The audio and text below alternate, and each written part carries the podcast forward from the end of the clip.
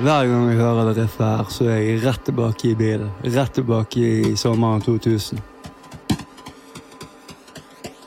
Det hele startet med at meg og narkoentourasjet mitt skulle se Pearl Jam på Rockildefestivalen.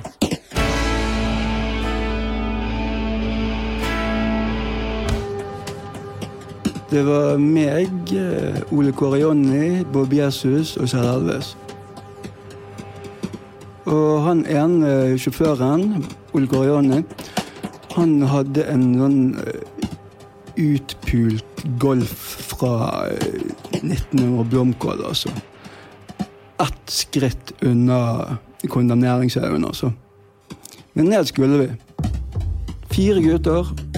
Vi hadde fem gram heroin, 15 ecstasy-piller, 10 gram hasj. Det burde holde i to dager. Trodde vi. Bilturen i seg sjøl var jo kjempeartig. Vi var høye som fly. Eller steine som bær. Det var ene ytterligheten til den andre. Vi skulle ta fergen fra Kristiansand. På vei over fjellet så skulle vi kjøpe bensin. Og eh, bensinpenger er jo et problem. Det er ikke, det er ikke billig, dette landet. Men alt er gratis når du stjeler. Og Det gode, gamle trikset med å suge ut bensinen det funker som en drøm. skal jeg si deg. Spesielt med den gamle vraket av en Golf. Så vi kjørte rundt, uh, kjørte rundt, vi kjørte mot Kristiansand og eh, stjal bensin fra de innfødte og terroriserte. Spesielt eh, Ole Kåre Jonny og Kjell Elvis var sånne veldig bolte gutter. Og bolte gutter i 20-årsalderen er ikke noe flotte vesener, i min erfaring. Så, altså, Ole Kåre han var uh, kul nok. Men uh, Kjell Elvis og Bobby Jesus, de Nei. Not so much. Skulle inn på bensinstasjonen, for eksempel. Det var sånn at de tok ting og la de demonstrativt lomme, mens de glodde han eller hun som sto bak disken, rett i øynene.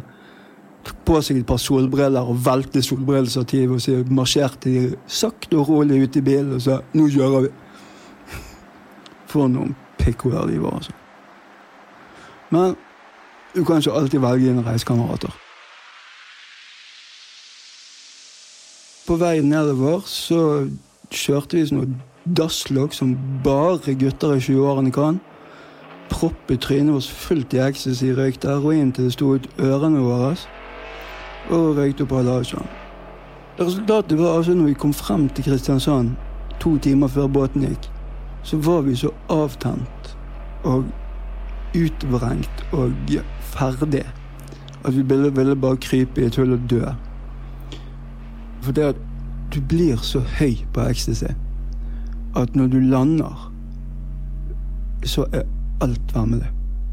Spesielt hvis du gjerne har hatt litt kombomisbruk. Hvis du blander f.eks. heroin og ecstasy. Det en veldig sær kombinasjon. når jeg tenker meg om. Altså Heroin var jo utgangspunktet for å gjøre denne avtenningen enklere. Det var derfor vi hadde kjøpt det. Ikke for å blande det. Så vi kom frem til Kristiansand klokken fem om morgenen. Og ting hadde begynt å skli den andre veien allerede i tretiden. Plutselig så var ikke vi beskyttet av stoff lenger. Vi kom liksom ikke langt nok vekk fra hverandre i bilen. Alle som liksom trykte opp mot vinduet, og sjåføren må ha gått på autopilot, for uh, han knarket like mye som oss. Hvordan han klarte å holde oss på veien, forstår jeg seg. Så selvfølgelig kjøpte vi oss et par helflasker med tyrkisk pepper på vei over. Og når vi kom i land i Danmark, da skulle vi reparere. og dette hadde fungert helt fint. Hadde ikke det vært fordi sjåføren, som var i like ille forfatning som oss, insisterte på å få i hvert fall et par støyter. Vi lagde en avtale at hvis han kjørte fortere hver gang han fikk seg en støyt, så logikken var at da kommer vi fortere frem, så han ikke ble så full. Etter en halvtime så var vi dritings. Skikkelig ordentlig full. Og vi begynte å hive søppel ut vinduet, og folk tutet på og vi ut med fingeren og kjørte forbi folk i sånn her så du ser fulle folk på TV vever mellom filer og sånn. Det, det, var kaos. Politiet klokket oss til 170 ut ifra avstanden vi hadde kjørt når vi krasjet i forhold til fergen. Og hadde vi truffet noe som sto stille, så hadde vi selvfølgelig dødd. Men vi kjørte i ræven på en bil som gikk i 120.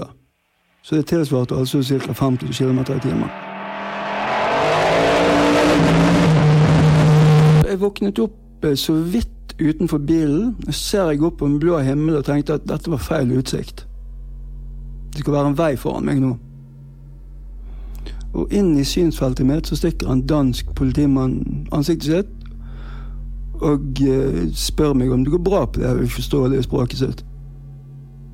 Jeg prøvde å uh, ville si at det gikk faen ikke bra med meg. Så bøyer pikken seg frem og begynte å kjenne på kjeven min.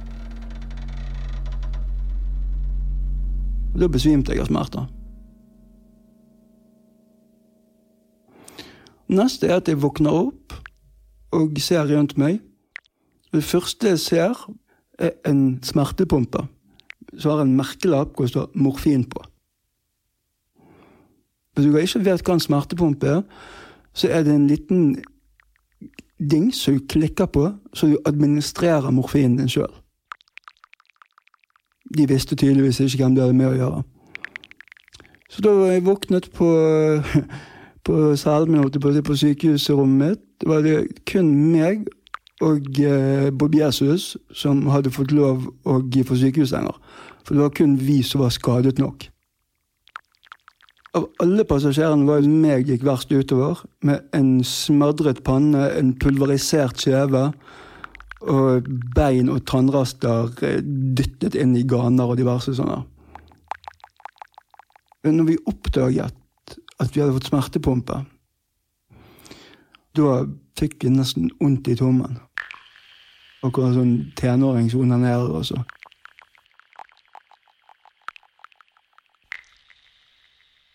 Det var en eller annen type monitor eller et eller annet, sånn som bare hvis hjerterytmen gikk under så og så mye, så kom det på en sånn klemme. Men vi skrudde jo bare av den klemmen. Du kjenner hele kroppen din slipper taket. Det var nesten verdt det. Og eh, jo da. Så vi lå der og fløt på en rosa sky og hadde egentlig helt knæsj. Jeg med, hadde, Kjeven min sto sikkert en halv meter ut i været. Det var sånn vanvittig kutt i pannen. Det så ut som Frankensteins monster. Han hadde knust øyebeinet sitt på venstre side. Gigantisk. Blåveis som var lilla og rød og grønn og gul, så det rant sånne sekreter ut av det. det var, ja. Og vi skulle da opp og ta røntgen en gang. Meg med kjeven og arret og han med det øyet sitt. Så gikk eh, døren opp, og der sto det to danske eh, barn med foreldrene sine. Og hun yngste ser på oss med lappene og skjelver og sier Mor Griper han fatt, ja. Det var stort sett den reaksjonen vi fikk når vi viste oss ut. Sier bare ingen ecstasy og heroin før du skal ta fergen. Vent til du kommer frem. For vi kom jo aldri til Roskilde kan i og for seg ha vært en god ting. Jeg velger å tro at det var skjebnen som grep inn. For den Pearl konserten som alle døde på, eller åtte stykker i hvert fall, den skulle jo jeg på.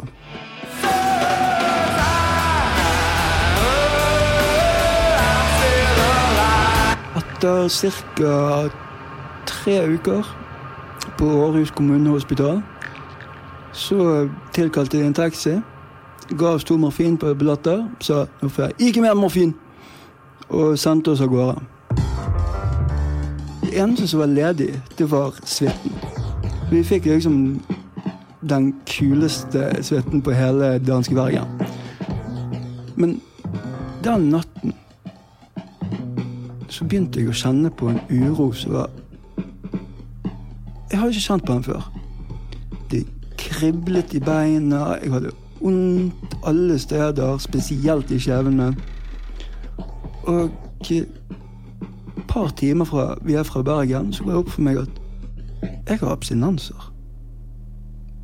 Jeg, jeg, har, jeg er avhengig nå. Og da var jeg fysisk avhengig av et opiat for første gang i livet mitt. Og istedenfor å kanskje stoppe,